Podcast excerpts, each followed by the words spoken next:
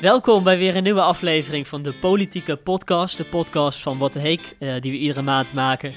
En in deze podcast zetten we een beetje het belangrijkste politieke nieuws van de afgelopen maand op een rijtje voor je. Uh, niet met moeilijke woorden, maar zo makkelijk en zo begrijpelijk mogelijk. En um, dat doe ik niet alleen. Ik doe dat samen met Saskia Lomat. Hey. Hoi. Hey, ik ben er ook weer op afstand Gezellig. nog steeds. Ja, want uh, corona is nog steeds een ding. Dus ook deze maand uh, doen we het op afstand. Meer dan anderhalve meter afstand. Want jij zit in Eindhoven en ik zit in Hilversum. Ja, ja, ik uh, dacht het is nog niet echt handig om met het openbaar vervoer te gaan reizen. Het is nog geen 1 juni. Ik heb nog geen prachtig mondkapje met een mooie printje erop. Dus ik dacht, we doen het nog even op deze manier.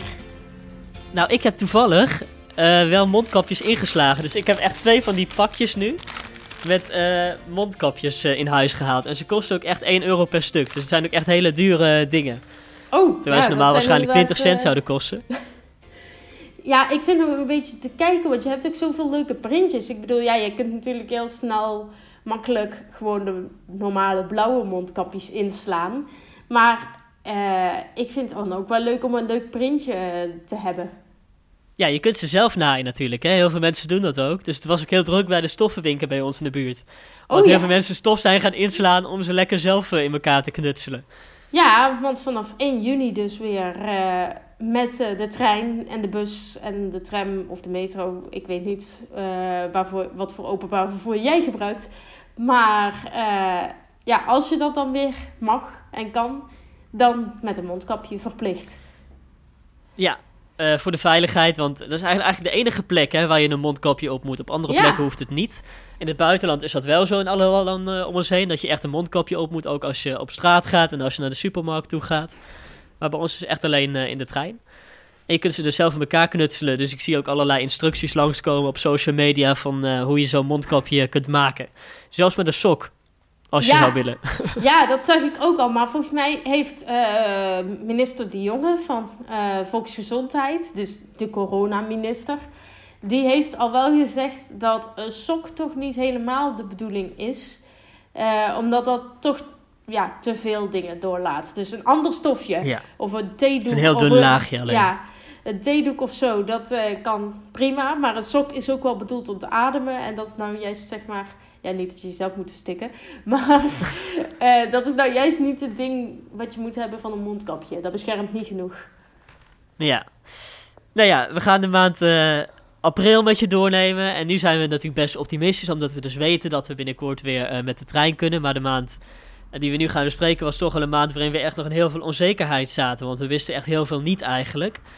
En heel veel mensen waren ook best een beetje depressief. Die zaten er echt een beetje doorheen, want het duurde allemaal veel langer dan we dachten dat het zou duren met z'n allen. Uh, en was, ja, het was echt een beetje een uitzichtsloze situatie op sommige momenten. En heel veel ondernemers die kwamen ook aan met ideeën van... hey, uh, als er straks een anderhalve meter samenleving zou komen... dan zouden wij uh, de winkel zo inrichten bijvoorbeeld. Ik zag trouwens dat er trouwens wel heel veel debatten toch nog zijn... maar die doen ze nu via internet. Dus ze zitten gewoon heel veel te zoomen en te skypen met z'n allen. Ja. Uh, tijdens die vergaderingen. En uh, Ariep die zat ook laatst bij Pauw. En toen vertelde ze ook hoe dat zo'n beetje gaat eigenlijk. Soms drukken ze ook op verkeerde knop. En, uh, en je bent heel ver in het gesprek. En dan bleken twee niet mee gedaan te hebben. Omdat ze eruit gegooid zijn op de een of andere mysterieuze manier. het, is, het is geen succes. Nee. ze zitten allemaal thuis. de een zit in een kledingkast, de andere is opgeschoren. Die zitten in de kledingkast. Ja, dat willen we wel weten. noemen. Uh, in een pyjama en een kind op de achtergrond. Ariep, uh, de schooljuf, inderdaad. Schooljuf die, uh, Ariep op de best. hoe het moet. Ja. En inderdaad, uh, kledingkasten die zijn niet gewenst. En uh, joggingsbroeken, het moet er wel een beetje netjes uitzien. En het is natuurlijk de bedoeling dat we trouwens binnenkort allemaal uh, dit soort debatten kunnen bijwonen. Dus dat het ook via internet gaat. En dat wij als uh, burgers ook de politiek kunnen controleren en een beetje mee kunnen kijken wat ze daar uitspoken. Dus uh, ik heb nu al heel veel zin om naar die debatten te kijken straks, als ze ook uh, uitgezonden worden op internet. Ik ben heel benieuwd om uh, bij al die politici thuis te kijken. Hoe hebben ze hun huis ingericht? Ja, nou ja, dat kan dus nu ineens. Want heel Ja. veel politici die zijn ineens vanuit huis op de radio. En dan zie je ze ook op de webcam van de radio. Of je ziet ze op een internet uh, livestream ineens. Dus je krijgt ook door die coronacrisis ineens echt een heel mooi inkijkje in het, in het huis van al die politici. Ik, uh, ik heb dat bij uh, de gemeenteraad van Den Haag een keer inderdaad gedaan. Want de gemeenteraad die gaat natuurlijk ook allemaal uh, online via Zoom en Teams en zo. En dat was zo grappig dat de een echt helemaal netjes nou, voor een boekenkast gaat zitten. Want dan kom je een beetje slim over. Een goed gevulde boekenkast. En de ander die had echt bij wijze van spreken nog de One Direction poster boven zijn bed hangen. echt zo grappig dat verschil tussen mensen van... Ja, de een die echt in een pak uh, voor de boekenkast gaat zitten... en de ander die in een hoodie ja, bij de One Direction poster zit. Ja, wat dat betreft hebben we ook echt heel verschillende politici in de Tweede Kamer zitten. Zo'n Peter Quint bijvoorbeeld, van de SP dan. Iemand die, die echt, echt, uh, een, uh, echt een houdt van metalmuziek, ja. van stevige muziek inderdaad. En dat zie je ook aan hem, met uh, tatoeages. Eén keer stond hij zelfs in een t-shirt met korte mouwen in de zaal van de Tweede Kamer te debatteren. Dus, en daar tegenover staan dan weer hele saaie politici in grijze pakken. Dus het verschil is wel echt heel groot tussen ja. sommige politici. Ja, zeker. En ja, toch leuk om die debatten juist nu te volgen, want juist nu is het heel interessant allemaal. En er gebeuren ook toch nog hele leuke ontspannen momenten. Dus het is wel echt een stevige crisis, maar er gebeuren ook leuke dingen. Zo stond Jesse Klaver toevallig laatst in de Tweede Kamer. En, de, en daar had volgens mij Geert Wilders nog een opmerking over hem. Nou, de heer Wilders heeft een punt van orde en ik ben het met hem eens. De heer Wilders. Nou, misschien heeft iemand een paar sokken voor de heer Klaver. Hij is vergeten sokken aan te doen. Gaat u verder. Ja, ogen voor details heeft hij. hey, en als we dan toch over de grappige fragmenten van deze maand uh, hebben. Ik wil heel even benoemen, ik ben er toch best trots op. Ik ben deze maand een keer viral gegaan. Niet. Yay! Wat goed. Waarmee dan? Ik had een uh, fragmentje uh, op Twitter gezet. En dat was eigenlijk. Je hebt natuurlijk nu nou, bijna wekelijks de persconferentie. Waarin Rutte en een aantal ministers en de baas van het RIVM, dus degene die echt gaat over nou, hoe is het met het coronavirus. ja, die Van Dissel, hè, die man met dat witte Precies. baasje inderdaad. de grown-up kabouter eigenlijk, want hij heeft een mooi wit baardje. En nou als je die dan naast elkaar zet, dan heb je daar ook altijd de gebarentolk bij, Irma, Irma Sluis. En nou ja, dat is echt een meme-koningin geworden. Want zij kan natuurlijk, een, een gifjeskoningin, want zij kan zo mooi dingen uitbeelden. Wat die mannen heel serieus vertellen over hoe het nou gaat met Nederland. En nou, die mannen zijn daar ook niet immuun voor. Die hebben dat inmiddels ook wel in de gaten. Dat het eigenlijk best wel grappig is wat er naast ze gebeurt.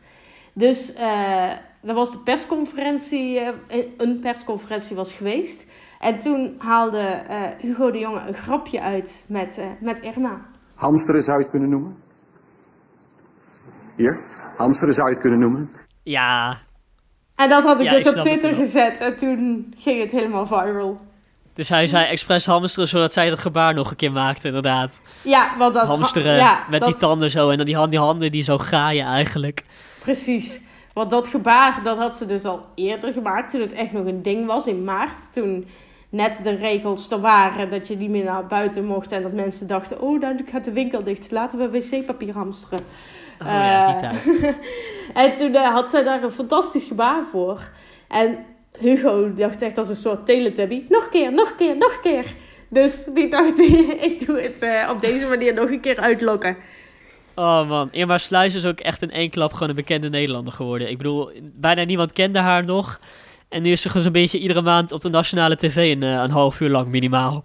Ja. Dus uh, ook wel mooi voor haar inderdaad. En ook wel tof om te zien. En mooi dat we dat doen van mensen die dus echt uh, niet goed kunnen horen of doof zijn zelfs zodat ook zij meteen op de hoogte zijn van alle maatregelen. Ja, zeker. En uh, ja, die persconferenties, dat is echt een dingetje ondertussen. Zo'n beetje iedere week zitten we met z'n allen NPO 1 te kijken, rond een uur of zeven altijd. Uh, om een beetje op de hoogte te blijven van de laatste stand van zaken in Nederland. Dit wordt ook echt miljoenen keer bekeken altijd, al die persconferenties. En er was ook nog één opvallend moment nog uh, met een verslaggever die de eerste vraag mocht stellen. Dat was ook afgelopen maand. En ja. ja dan het is toch een grote eer. Dus daar denk je heel goed over na. Van hey, hoe pak je dat aan? Hoe leid je die vraag in? En je weet ook in je achterhoofd van hey, het moet nu goed gaan. Want heel veel mensen kijken mee op dit moment. Hey, je kunt het er niet uitknippen of zo. En um, nou, dit is uh, de vraag die een van de verslaggevers stelde afgelopen maand. Meneer Rutte, al weken zegt u dat Nederland zich voorbeeldig gedraagt. En wat krijgen mensen ervoor terug? Nog eens drie weken verlenging. Hoe rijmt u dat met elkaar? Het virus. Het virus. Wij zijn niet beschermd tegen het virus. Ik stond hier vorige week nog een pleidooi te houden voor de anderhalve meter samenleving. Mensen houden afstand, bedrijven richten zich anders in. Er is nu toch gewoon veel meer mogelijk dan nu het geval is. Ja, ja mooie vraag. Uh, misschien uh, ja, wel een terechte vraag, denk ik zelf. Want dit was wel de vraag waar heel Nederland mee zat op dat moment. Van hey, uh, we zijn zo goed bezig en we houden ons zo aan die maatregelen. Waarom krijgen we geen perspectief en waarom komen er geen versoepelingen aan? En waarom zijn die er nog niet nu?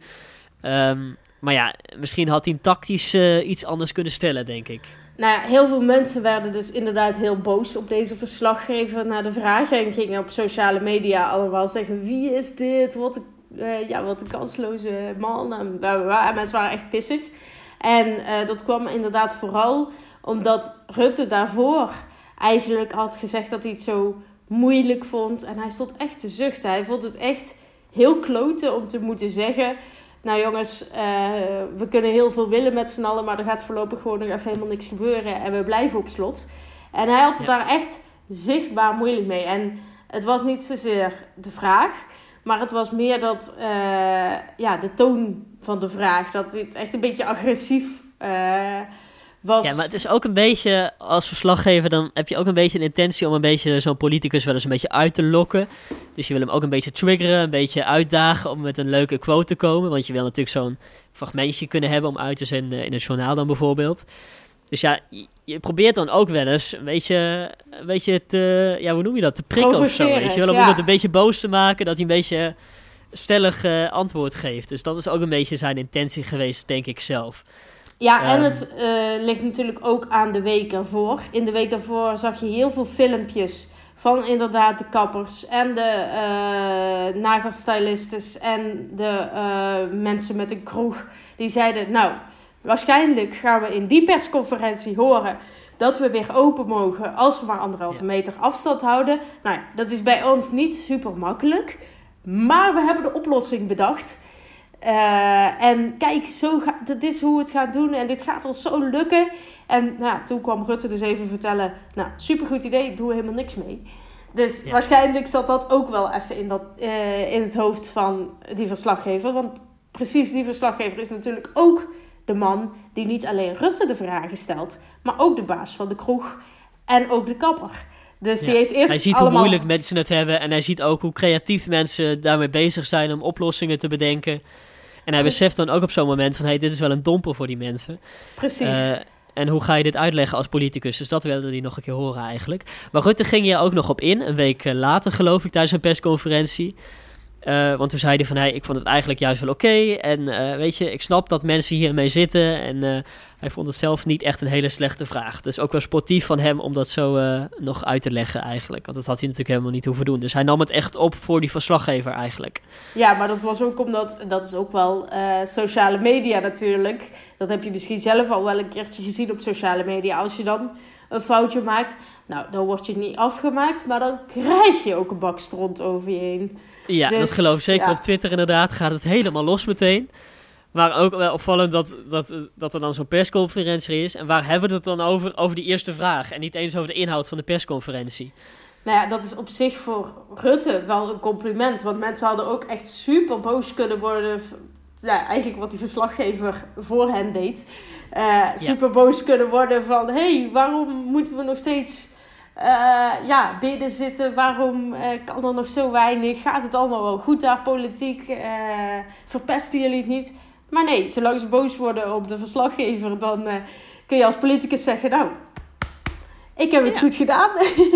nou, wat dat betreft doet hij het heel goed. Want heel weinig mensen zijn echt boos op hem in die zin. Want als je naar de peilingen kijkt, hè, ze vragen altijd mensen van... Hey, waar zou je op stemmen als er nu verkiezingen zouden zijn? Nou ja, dan zeggen heel veel mensen wel op de VVD van Mark Rutte. Dus kennelijk zijn ze toch wel een beetje blij met hem en zien ze ook wel in dat het allemaal moet wat hij zegt. En uh, vinden ze toch wel dat hij het knap aanpakt. Um, ja, tuurlijk, het kan altijd beter. En je hebt ook uh, allerlei mensen die nu al zeggen van... hé, hey, uh, ze hebben het te laat aangepakt of ze hadden eerder moeten handelen bijvoorbeeld. Maar ja, dat is natuurlijk altijd achteraf. Dus achteraf is natuurlijk altijd heel makkelijk om terug te kijken en te zeggen van... hé, hey, je had dit zo of zo moeten doen, denk ik zelf. Ik weet niet hoe jij dat ziet, maar ja, heeft hij het goed aangepakt? Nou ja, ik zie wel dat uh, die eerste uh, momenten, dat is natuurlijk altijd als er iets heel ergs gebeurt, uh, dan is het heel erg de neiging van mensen om in eerste instantie als er dan iemand opstaat en die zegt: Oké jongens, ik ga het fixen, dan is het altijd dat zo iemand omhoog gaat in de peilingen. Dus dat zo iemand applaus krijgt. Want er is, ja, je bent zelf in paniek, je weet niet zo goed wat er gebeurt, je hebt geen controle meer over de situatie en er is iemand die zegt ik los het op. Dan heb je meteen eigenlijk een soort natuurlijk vertrouwen in die persoon. En daarna komt altijd het moment dat de mensen toch kritisch worden. Omdat ze dan gaan nadenken, maar waarom zijn we eigenlijk in deze situatie terechtgekomen? En uh, dat zie je een beetje bij, ja, bij sommige mensen wel gebeuren nu dat ze toch in het begin echt zeiden van Rutte doet het hartstikke goed, topvent, uh, hij helpt ons echt goed. En dat ze nu toch een beetje zijn van, ja maar het duurt wel heel erg lang en uh, hadden we niet veel eerder inderdaad dingen kunnen doen. Dus dat mensen nu wel kritisch worden. En er zijn ook echt wel protesten geweest hè, bij, uh, binnen, bij het ja. Binnenhof, zeg maar, bij de politiek. Van mensen die zeiden, deze lockdown, we hebben niet een echte lockdown, maar deze intelligente lockdown, al deze strenge regels die moeten nu uh, stoppen. Want we zijn ja, er helemaal klaar zeggen, mee. Onze vrijheid wordt afgepakt, zeggen ze dan. En we hebben geen vrijheid meer. En we mogen heel veel dingen niet. En dat klopt natuurlijk wel. Maar ja, het heeft wel een goede reden natuurlijk om dat virus te bestrijden. Heel veel mensen zijn er echt klaar mee. En die stonden echt bij het plein, bij de Tweede Kamer in de buurt te, te protesteren afgelopen maand. En hielden ook niet allemaal anderhalve meter afstand. Dus moest de politie echt ingrijpen om die mensen uh, daar weg te krijgen eigenlijk. Dus je merkt wel dat, een beetje, dat mensen een beetje een kort lontje krijgen en dat mensen sneller boos zijn en dat ze, dat ze er een beetje klaar mee zijn. Ja, nou ja, dat herken ik bij mezelf ook wel. Ik denk dat jij dat zelf ook wel uh, herkent uh, als luisteraar waarschijnlijk. Ja, het duurt allemaal heel erg lang en het is allemaal heel onzeker. Niemand weet precies hoe lang het duurt, Rutte ook niet. Ja. En op een gegeven in het begin denk je, nou ja, prima, zolang het nu maar opgelost wordt. Maar hoe langer het duurt, hoe meer mensen ook inderdaad naar de toekomst willen gaan kijken en denken: oké, prima, maar hoe lang nog? ja, je wil ook een beetje uit kunnen kijken naar de leuke dingen die gaan komen of zo. En op dit moment kun je gewoon naar helemaal niks uitkijken, want vakanties gaan niet door, alle evenementen zijn gecanceld. Dus ja, dat is natuurlijk extra pittig dat je zo'n uitzichtsloze situatie uh, hebt nu. Maar ja, een klein beetje weten we inmiddels wel welke kant het op gaat. Want we hebben natuurlijk dat routeboekje van het kabinet. Dus ze zijn echt met zo'n soort uh, schema dat ze hebben opgesteld van op deze datum gebeurt dit en op deze datum gaan we dit doen. En uh, hè, als we ons gewoon aan de maatregelen houden en er zijn niet ineens heel veel mensen die het coronavirus oplopen, uh, dan weten we wel in ieder geval dat we bijvoorbeeld straks op 1 juni weer kunnen reizen en dat, wat allemaal gaat gebeuren. Dus dat is wel fijn dat we een beetje de richting weten waar we op gaan met z'n allen. Ja, laten we dat spoorboekje er nog even bij pakken. De routekaart van Rutte. oh ja.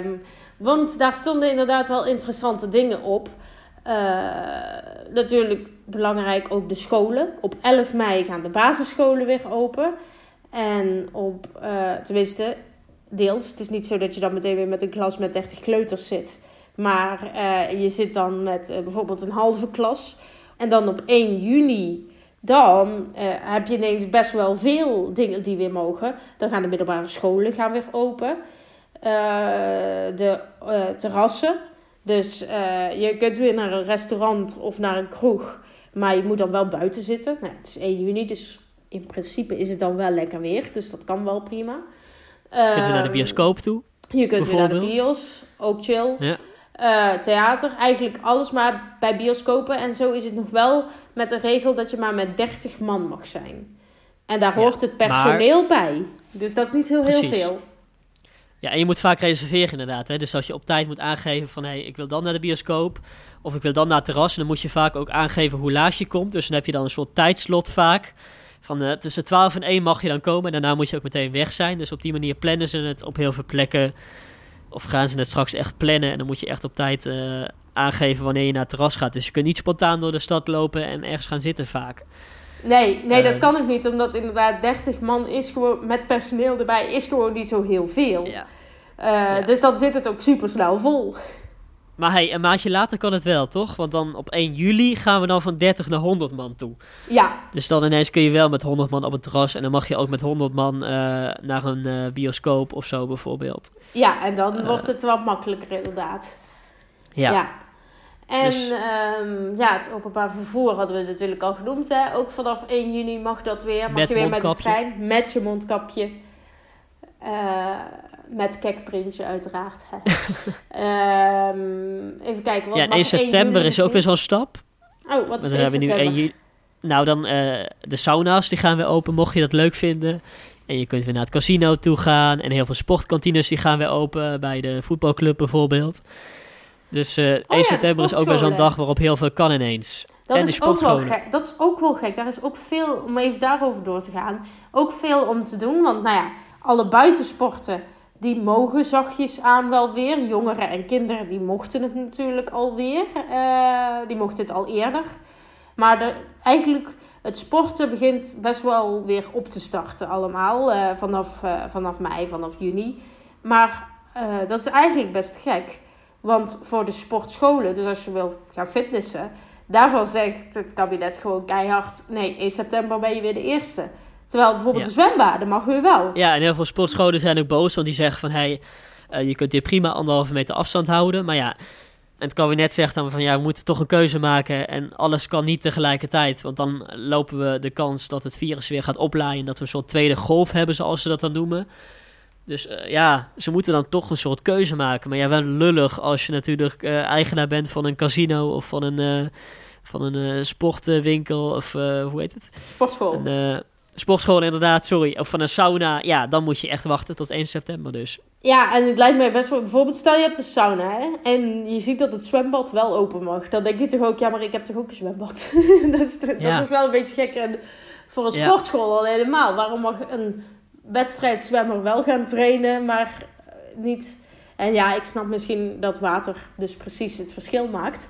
Maar dat, ja, het is toch wel... Ja, eh, veel mensen die dat een beetje gek vinden. Ja. Het zwembad is ook het voordeel bijvoorbeeld dat, dat je dan allemaal heel veel chloor hebt in het water. Dus het virus zou daar ook niet heel snel overleven bijvoorbeeld. Oh ja, en dat, zijn allemaal van die dingen ook. waar Ja. ze dan als kabinet over nadenken als ze dit soort keuzes eh, maken. Dus ze krijgen heel adviezen van deskundigen ook. Hè. Dus ze praten continu met mensen van het Outbreak Management Team, zoals het dan heet. Er zitten heel veel eh, deskundigen in en die geven dan advies van... hey, ik zou dit doen. En tot nu toe hebben ze ook heel veel dingen overgenomen. eh, heel veel van die adviezen overgenomen van dat team. Ja, dat is Dus, ook wel eh, interessant, want dat Outbreak Management Team, daar zitten dus virologen, dus mensen die heel veel weten van eh, virussen. En eh, artsen zitten daarin. En in het begin had Rutte echt zoiets, er, zoiets van, joh, ik weet er helemaal niks vanaf. Jullie wel. Alles wat jullie zeggen, dat doe ik gewoon. En nu merk je toch wel meer, omdat nu ook weer bijvoorbeeld over de economie nagedacht moet worden. En over hoe gaan we nu weer verder als Nederland, als het weer beter gaat, als, het- als er minder corona is, dat Rutte ook zoiets heeft van: oké, nu ga ik weer zelf meer beslissen en nu ga ik iets minder naar jullie luisteren. Want we hebben ook nog een economie waar ik aan moet denken. En als dadelijk niemand ziek is, maar wel iedereen blut, dan heb ik ook een probleem, zeg maar. Dus, Precies, dus hij moet die, ja, die weging maken inderdaad. En het is ook een liberaal hè, van de VVD. Dus echt een liberale partij die vrijheid heel belangrijk vindt. Dus zeker dan zou je toch eigenlijk ook over die economie moeten nadenken, zou je zeggen. Ja, doet hij nu ook een beetje. Dus hij luistert nu niet meer altijd naar die deskundigen. Want hij zegt van, ik moet ook eh, rekening houden met alle bedrijven in Nederland... eh, die ook goede zaken moeten doen. Dus eh, ja, het lijkt me wel een moeilijke keuze. Als je aan de ene kant hoort van, hey, voor het virus is dit het beste. Maar aan de andere kant moet je ook nadenken van, hey, wat is nou het beste voor de bedrijven en voor de ondernemers in het land. Ehm, dus ja, dat is eh, de lastige keuze eh, die je moet maken. Ehm, en eh, ja, evenementen, daar maakt hij nog geen keuze eh, eh, over voorlopig. Want eh, dat eh, laat hij nog even in het midden wanneer die weer gaan beginnen. Hij zegt, Dus, eh, sterker nog, hij zegt eh, evenementen waarschijnlijk pas weer als er een vaccin is. En dat Ja. kan zomaar nog eens anderhalf of twee jaar duren. Dus een festival of weet ik veel, een of andere grote vissa waar je naartoe wilde gaan. Ja, dat gaat echt nog heel lang duren. Geen Lowlands, eh, geen Pinkpop, eh dat soort dingen. Eh, top 2000 aan het eind van het jaar. Nou ja, ik zie het voorlopig niet gebeuren. Want ja, zo'n vaccin, dat duurt gewoon heel lang om dat te ontwikkelen. Nu is hey, het wel dat top heel veel bedrijven... 2000, de top Ja, vertel. 2000 is een top 2000 café. Café, ja, heel, ja en daar want- mogen 100 mensen binnen dan. Oh, maar zou dat echt, joh? Want daar komen echt mensen toe vanuit alle delen van het land. Dus ik zie dat niet gebeuren dat die vanuit alle delen van het land naar Hilversum toe komen. En dan, eh, ja, dan verspreid je dat virus natuurlijk heel snel. Ik weet Spannend. het niet. Ik ben benieuwd. We gaan het zien. Ja, ik hoop het wel. Maar ja, ik zie het ook wel gebeuren dat het nog niet gaat gebeuren. Maar joh, we, we wachten het gewoon af. Ja, Ehm, net zoals zoveel dingen. Ja, je kunt er gewoon nog helemaal niks over zeggen. Want ja, dat vaccin is er niet. Nu is het Nee. wel zo dat heel veel bedrijven overal ter wereld tegelijkertijd werken aan het vaccin. Dus ik heb zelf dan een beetje hoop dat het net wat minder lang duurt dan eh, bij andere vaccins. Omdat we juist nu tegelijkertijd met heel veel deskundigen aan het onderzoeken zijn. Nou, ja, het is natuurlijk ook heel frustrerend omdat ieder bedrijf iets anders zegt. Sommige bedrijven die, die zijn een beetje aan het opschuipen van joh, over een half jaar hebben we het echt wel af en dan is het hartstikke goed. En dan heb je natuurlijk omdat iedereen nu daarop zit te wachten en iedereen zoiets heeft van oh, mag het weer gewoon terug naar normaal. Heeft iedereen ook zoiets van oh, please, laat het zo zijn. Dus als je dan gaat zeggen, eh, nou, over een half jaar zijn we echt wel klaar dan gaat iedereen daar natuurlijk op hopen. En als het dan niet zo is, ja, dan is het natuurlijk wel echt een dikke teleurstelling. Want het kan ook zijn dat het eh, testen en dat dan blijkt, oh, haha, werkt niet. Grapje. Dus, Ja, ja. En het ding is, als je het dan hebt straks, ja, dan moet je het ook nog gaan produceren eh, voor heel veel mensen tegelijkertijd. en Dus dat is ook nog verdelen. een dingetje, want je moet zorgen dat al die mensen overal ter wereld dat vaccin krijgen. Ja, dat gaat niet even binnen een weekje eh, gebeuren of zo. Dadelijk zegt dat Trump, gedoe. haha, weet je, nou, Trump heeft bijvoorbeeld gezegd in april, als er een vaccin is, dan koop ik het lekker helemaal voor, alleen voor Amerika en dan kan de rest van de wereld kan het, eh, kan het bekijken. Eh, Stel die doet dat, ja, dan moeten wij langer wachten. Ja, ja, of je moet heel veel betalen zometeen, dat kan natuurlijk ook nog. Want je weet niet eh, of dat dan gratis is of dat je dan een heel groot of klein bedrag moet betalen. Dus ja, dat moeten we ook nog afwachten. Dus nou ja, een samenvatting, het duurt allemaal nog wel even Het duurt te voordat we uit deze crisis zijn. Ja, het duurt veel te lang. Ja. Insert Oh, Davina man. Michel.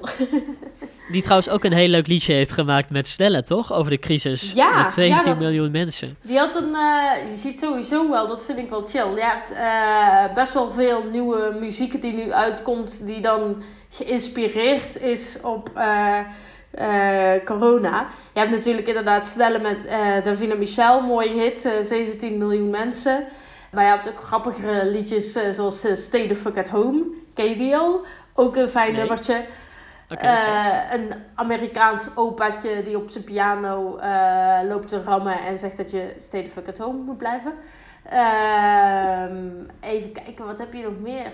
Eh, ze hebben Akda en de Munnik, het regent zonnestralen, opnieuw gedaan. Oh, in Even tot hier was dat. Ja, Op hebben, NPO 1, dat programma. ja, daar hebben ze in plaats van het regent zonnestralen, maar nu kan het om het van het slot te halen van gemaakt. Eh, met natuurlijk Creatief. het, eh, het spoorboekje. Hè. Eh, Ja, ook wel logisch dat al die artiesten met zo'n nummer komen. Want ja, juist nu zit je als artiest natuurlijk ook alleen maar thuis. En je kan helemaal niks, want je kunt niet optreden. En ja, wat ga je dan doen? Dan ga je maar nummers maken natuurlijk. Als je alleen maar thuis zit en je bent zanger of artiest. Dus, ja, optreden kan ineens- even niet. Nee, ja, dus moet je wel anders geld verdienen natuurlijk. Of anders je tijd besteden. Ja, het eh, was wel even leuk om het even in een overzichtje eh, te zetten. Alle coronamuziek die eruit is gebracht. En alle creatieve bewerkingen eh, van teksten op, ja, op het coronavirus. The world has caught a virus, so I've written you a poem. We need your help to cure it, so stay the fuck at home. And if you have got 12 kids or you're living on your own, lock it down and isolate and stay the fuck at home. If you think you're not at risk here, you're living in a dome. It spreads faster than a hooker's leg, so stay the fuck at home. Oh, oh, nog even rustig ademhalen. Leken regels voor altijd. Maar nu kan het om het van het slot te halen. 17 miljoen mensen op dat hele kleine stukje aarde.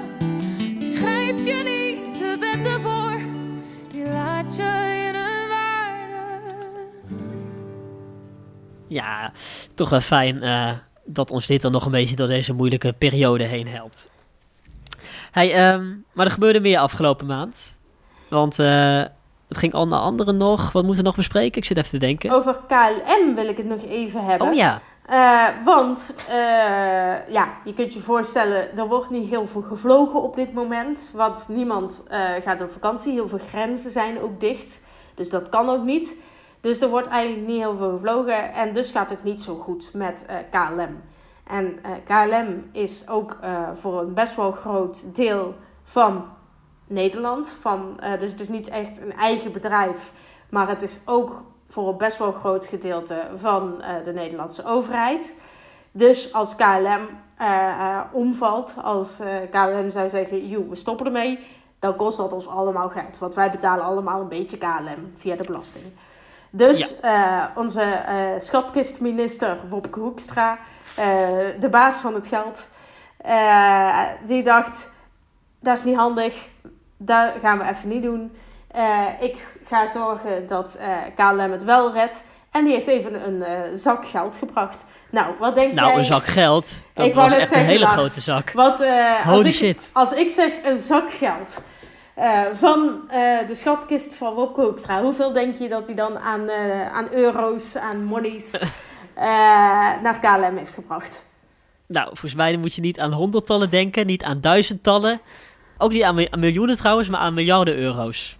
Maar dat weet ik dan toevallig. 2 tot 4 miljard was het, toch? miljard, ja. Holy shit. Dat, eh, Dat is wordt er echt heel even veel. naar eh, KLM gebracht om te zorgen dat ze ook, ja, op het moment dat we weer mogen vliegen, dat we dan ook in zo'n blauw vliegtuigje kunnen stappen. Dat Ja, dat nog kan. Er zijn nog even gedoe over of je daar dan eisen aan moet stellen. Van, hey, moet je dan zeggen, als jullie dit geld krijgen, dan moet je ook eh, energiezuinig reizen of eh, niet eh, in de nacht vliegen, want dan hebben mensen er overlast van. Dus daar wordt nog over gepraat. Maar in ieder geval, ja, ze hebben het wel al beloofd dat er heel veel geld die kant op gaat. Hey, en nou is er ook nog heel veel niet-corona-nieuws afgelopen maand. Want ja, in de politiek ging het ook over andere dingen. Dus we hebben een soort van blokje nu even met het niet-corona-nieuws. Het ging namelijk... Ja, ja, het is ook wel fijn, toch? Even iets ja, even, even. Gelukkig zijn er in Den Haag ook nog altijd mensen boos op elkaar. Want Denk is zo'n partij waar een flinke fitty aan de gang was. Nog steeds.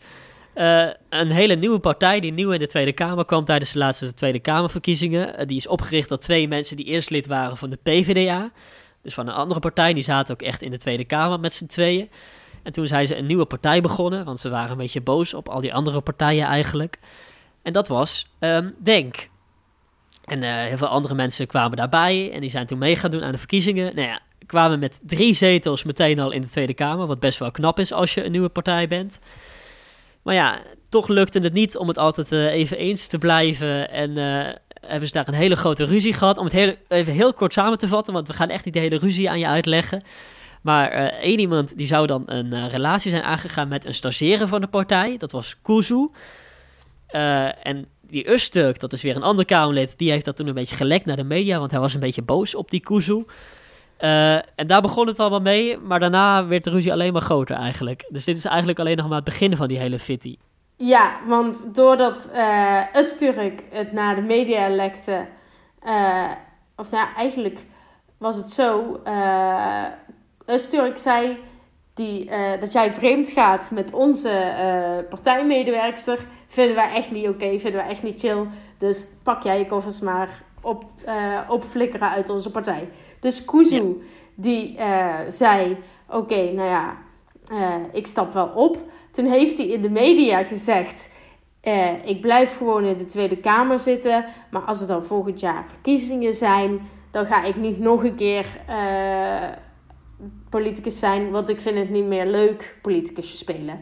Dat is eigenlijk wat hij als, eh, als reden op Ja, hij zei van ik ben bijna 40 jaar oud, dus ik wil nu stoppen en ik wil meer tijd hebben voor mijn gezinnetje eigenlijk. ABC Maar eigenlijk klopte dat natuurlijk helemaal niet, want eigenlijk ging hij gewoon weg omdat hij wist dat dit speelde en omdat hij wist dat die ruzie daar was. Ja, Maar dat zei hij natuurlijk niet. Nou ja, dat, en dat, daar gaat het dus eigenlijk mis. Hij gaat weg eigenlijk zonder dat iemand eh, eh, ja, eh, denkt van... Goh, eh, zou er misschien meer aan de hand zijn? Want het was corona, dus iedereen had zoiets... Oké, als jij ermee wil stoppen, dan moet je toch lekker stoppen. Dat moet je eh, ja, zelf weten. En toen dacht Öztürk... Oh, ja, maar dat is niet de bedoeling. Nou redt hij zichzelf zonder dat hij echt schade ervan heeft. Oké, ik vertel aan de media wat er echt gebeurd is. En Oh, nou, ja. toen zei Kuzu daarvan Nou ja, weer... ze zeiden gewoon... Broedermoord. Ook wel mooi om te Ja, benoemen eigenlijk. politieke broedermoord. Ja, precies. Dus eh dat Öztürk hem eigenlijk gewoon genaaid had. Dat is eigenlijk wat hij zei.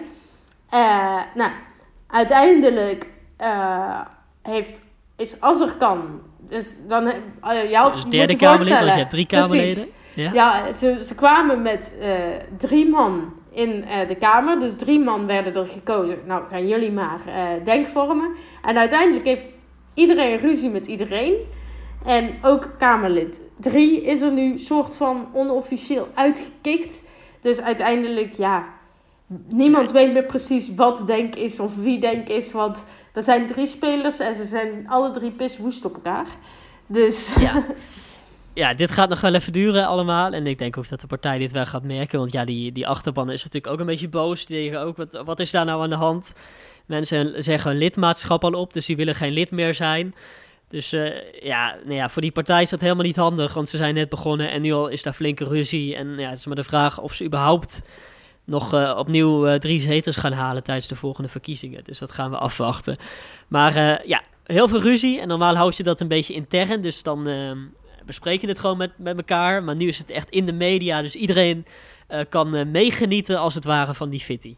ja, Hey, ehm, ja, dat was eigenlijk het belangrijkste van de afgelopen maand. We hebben een beetje maand eh, mei met je, nee, maand april met je doorgenomen.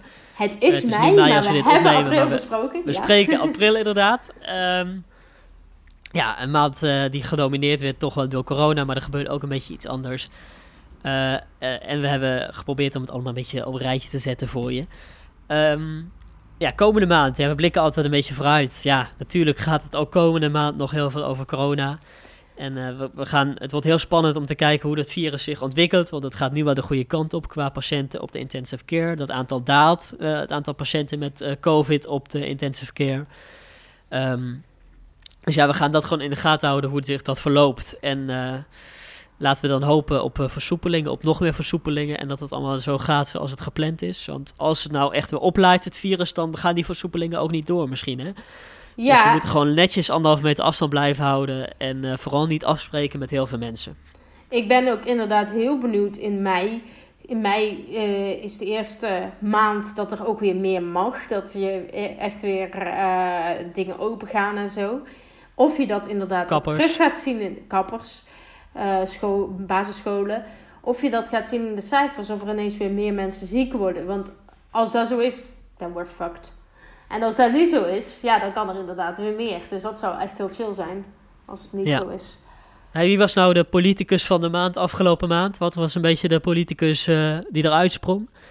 Positief of negatief? Poeh, ik vind het moeilijk deze maand. Omdat er Ja. voor mijn gevoel niet echt iemand is die het echt super goed heeft gedaan of echt super slecht. Eh, ik zou dan eigenlijk zeggen van ja, Rutte en de jongen die zijn nog steeds gewoon goed bezig. Wat ze in maart ook al deden, doen ze in eh, april ook nog steeds wel gewoon. Wat ik trouwens wel zo eh, vond van Rutte, daarvan zag je echt, die mag wel echt een schouderklopje. Want daarvan zag je in april wel echt hoe kloten die het vond. Eh, dat sommige dingen die hij wel heel graag wilde, echt gewoon nog niet konden door het virus. Die had het er echt moeilijk mee. Die stond echt te zuchten en te steunen. Dat, de- ja, dat het allemaal nog zo moeilijk ging en zoveel dingen niet mochten. Dus in die zin wel even cadeaus voor die man. Want het is niet per se heel eh, makkelijk om iedere keer te moeten zeggen: ha, ik wil zo graag, maar het mag niet. Plus één voor eh, Rutte en eh, de jongen. Die nog steeds eh, deze crisis leiden. Ehm, ja, nou ja, dankjewel voor het luisteren naar deze podcast. Ik hoop dat je er wat van hebt opgestoken. En ik hoop ook dat je het een beetje leuk vond. En dat je een beetje ontspanning had. En een beetje afleiding in deze moeilijke tijd. Toch voor iedereen. Eh, je hoeft niet te wachten tot de volgende podcast. Als je op de hoogte wil blijven. Want eh, we hebben ook een Instagram-account waar we een beetje op bijhouden wat er gebeurt. Dus eh, je krijgt daar gewoon updates eh, eh, met nieuws. Dus check vooral at whattheheek. En ehm, ja, volgende maand gewoon weer een nieuwe podcast. En dan, ja, dan zitten we in een maand waar de middelbare scholen weer open zijn. En de terrasjes. Oh man, En ik, ik kijk weer- er zo naar uit. Wow, de volgende podcast zit ik gewoon naast je. Ja, zullen we dat afspreken inderdaad? Dat we gewoon eh, elkaar in het echt kunnen zien ook en zo. Ja. Wel op anderhalve meter afstand dan, denk ik. Nog steeds. Ja, maar dan kan ik in ieder geval met mijn prachtige mondkapje naar je toe. Ik ben heel benieuwd of de podcast net zo verstaanbaar is dan als nu eigenlijk. Als ze Oh, ja. allebei mondkapjes op hebben. Ja, maar ho- mag alleen in de, ho- eh, hoeft alleen in het openbaar vervoer. Hè? Dus Oh, als ja. ik dan de trein uit ben, dan doe ik hem gewoon weer af. Ja, is goed. Tot volgende maand. Tot volgende maand. We zijn klaar. Dank u wel.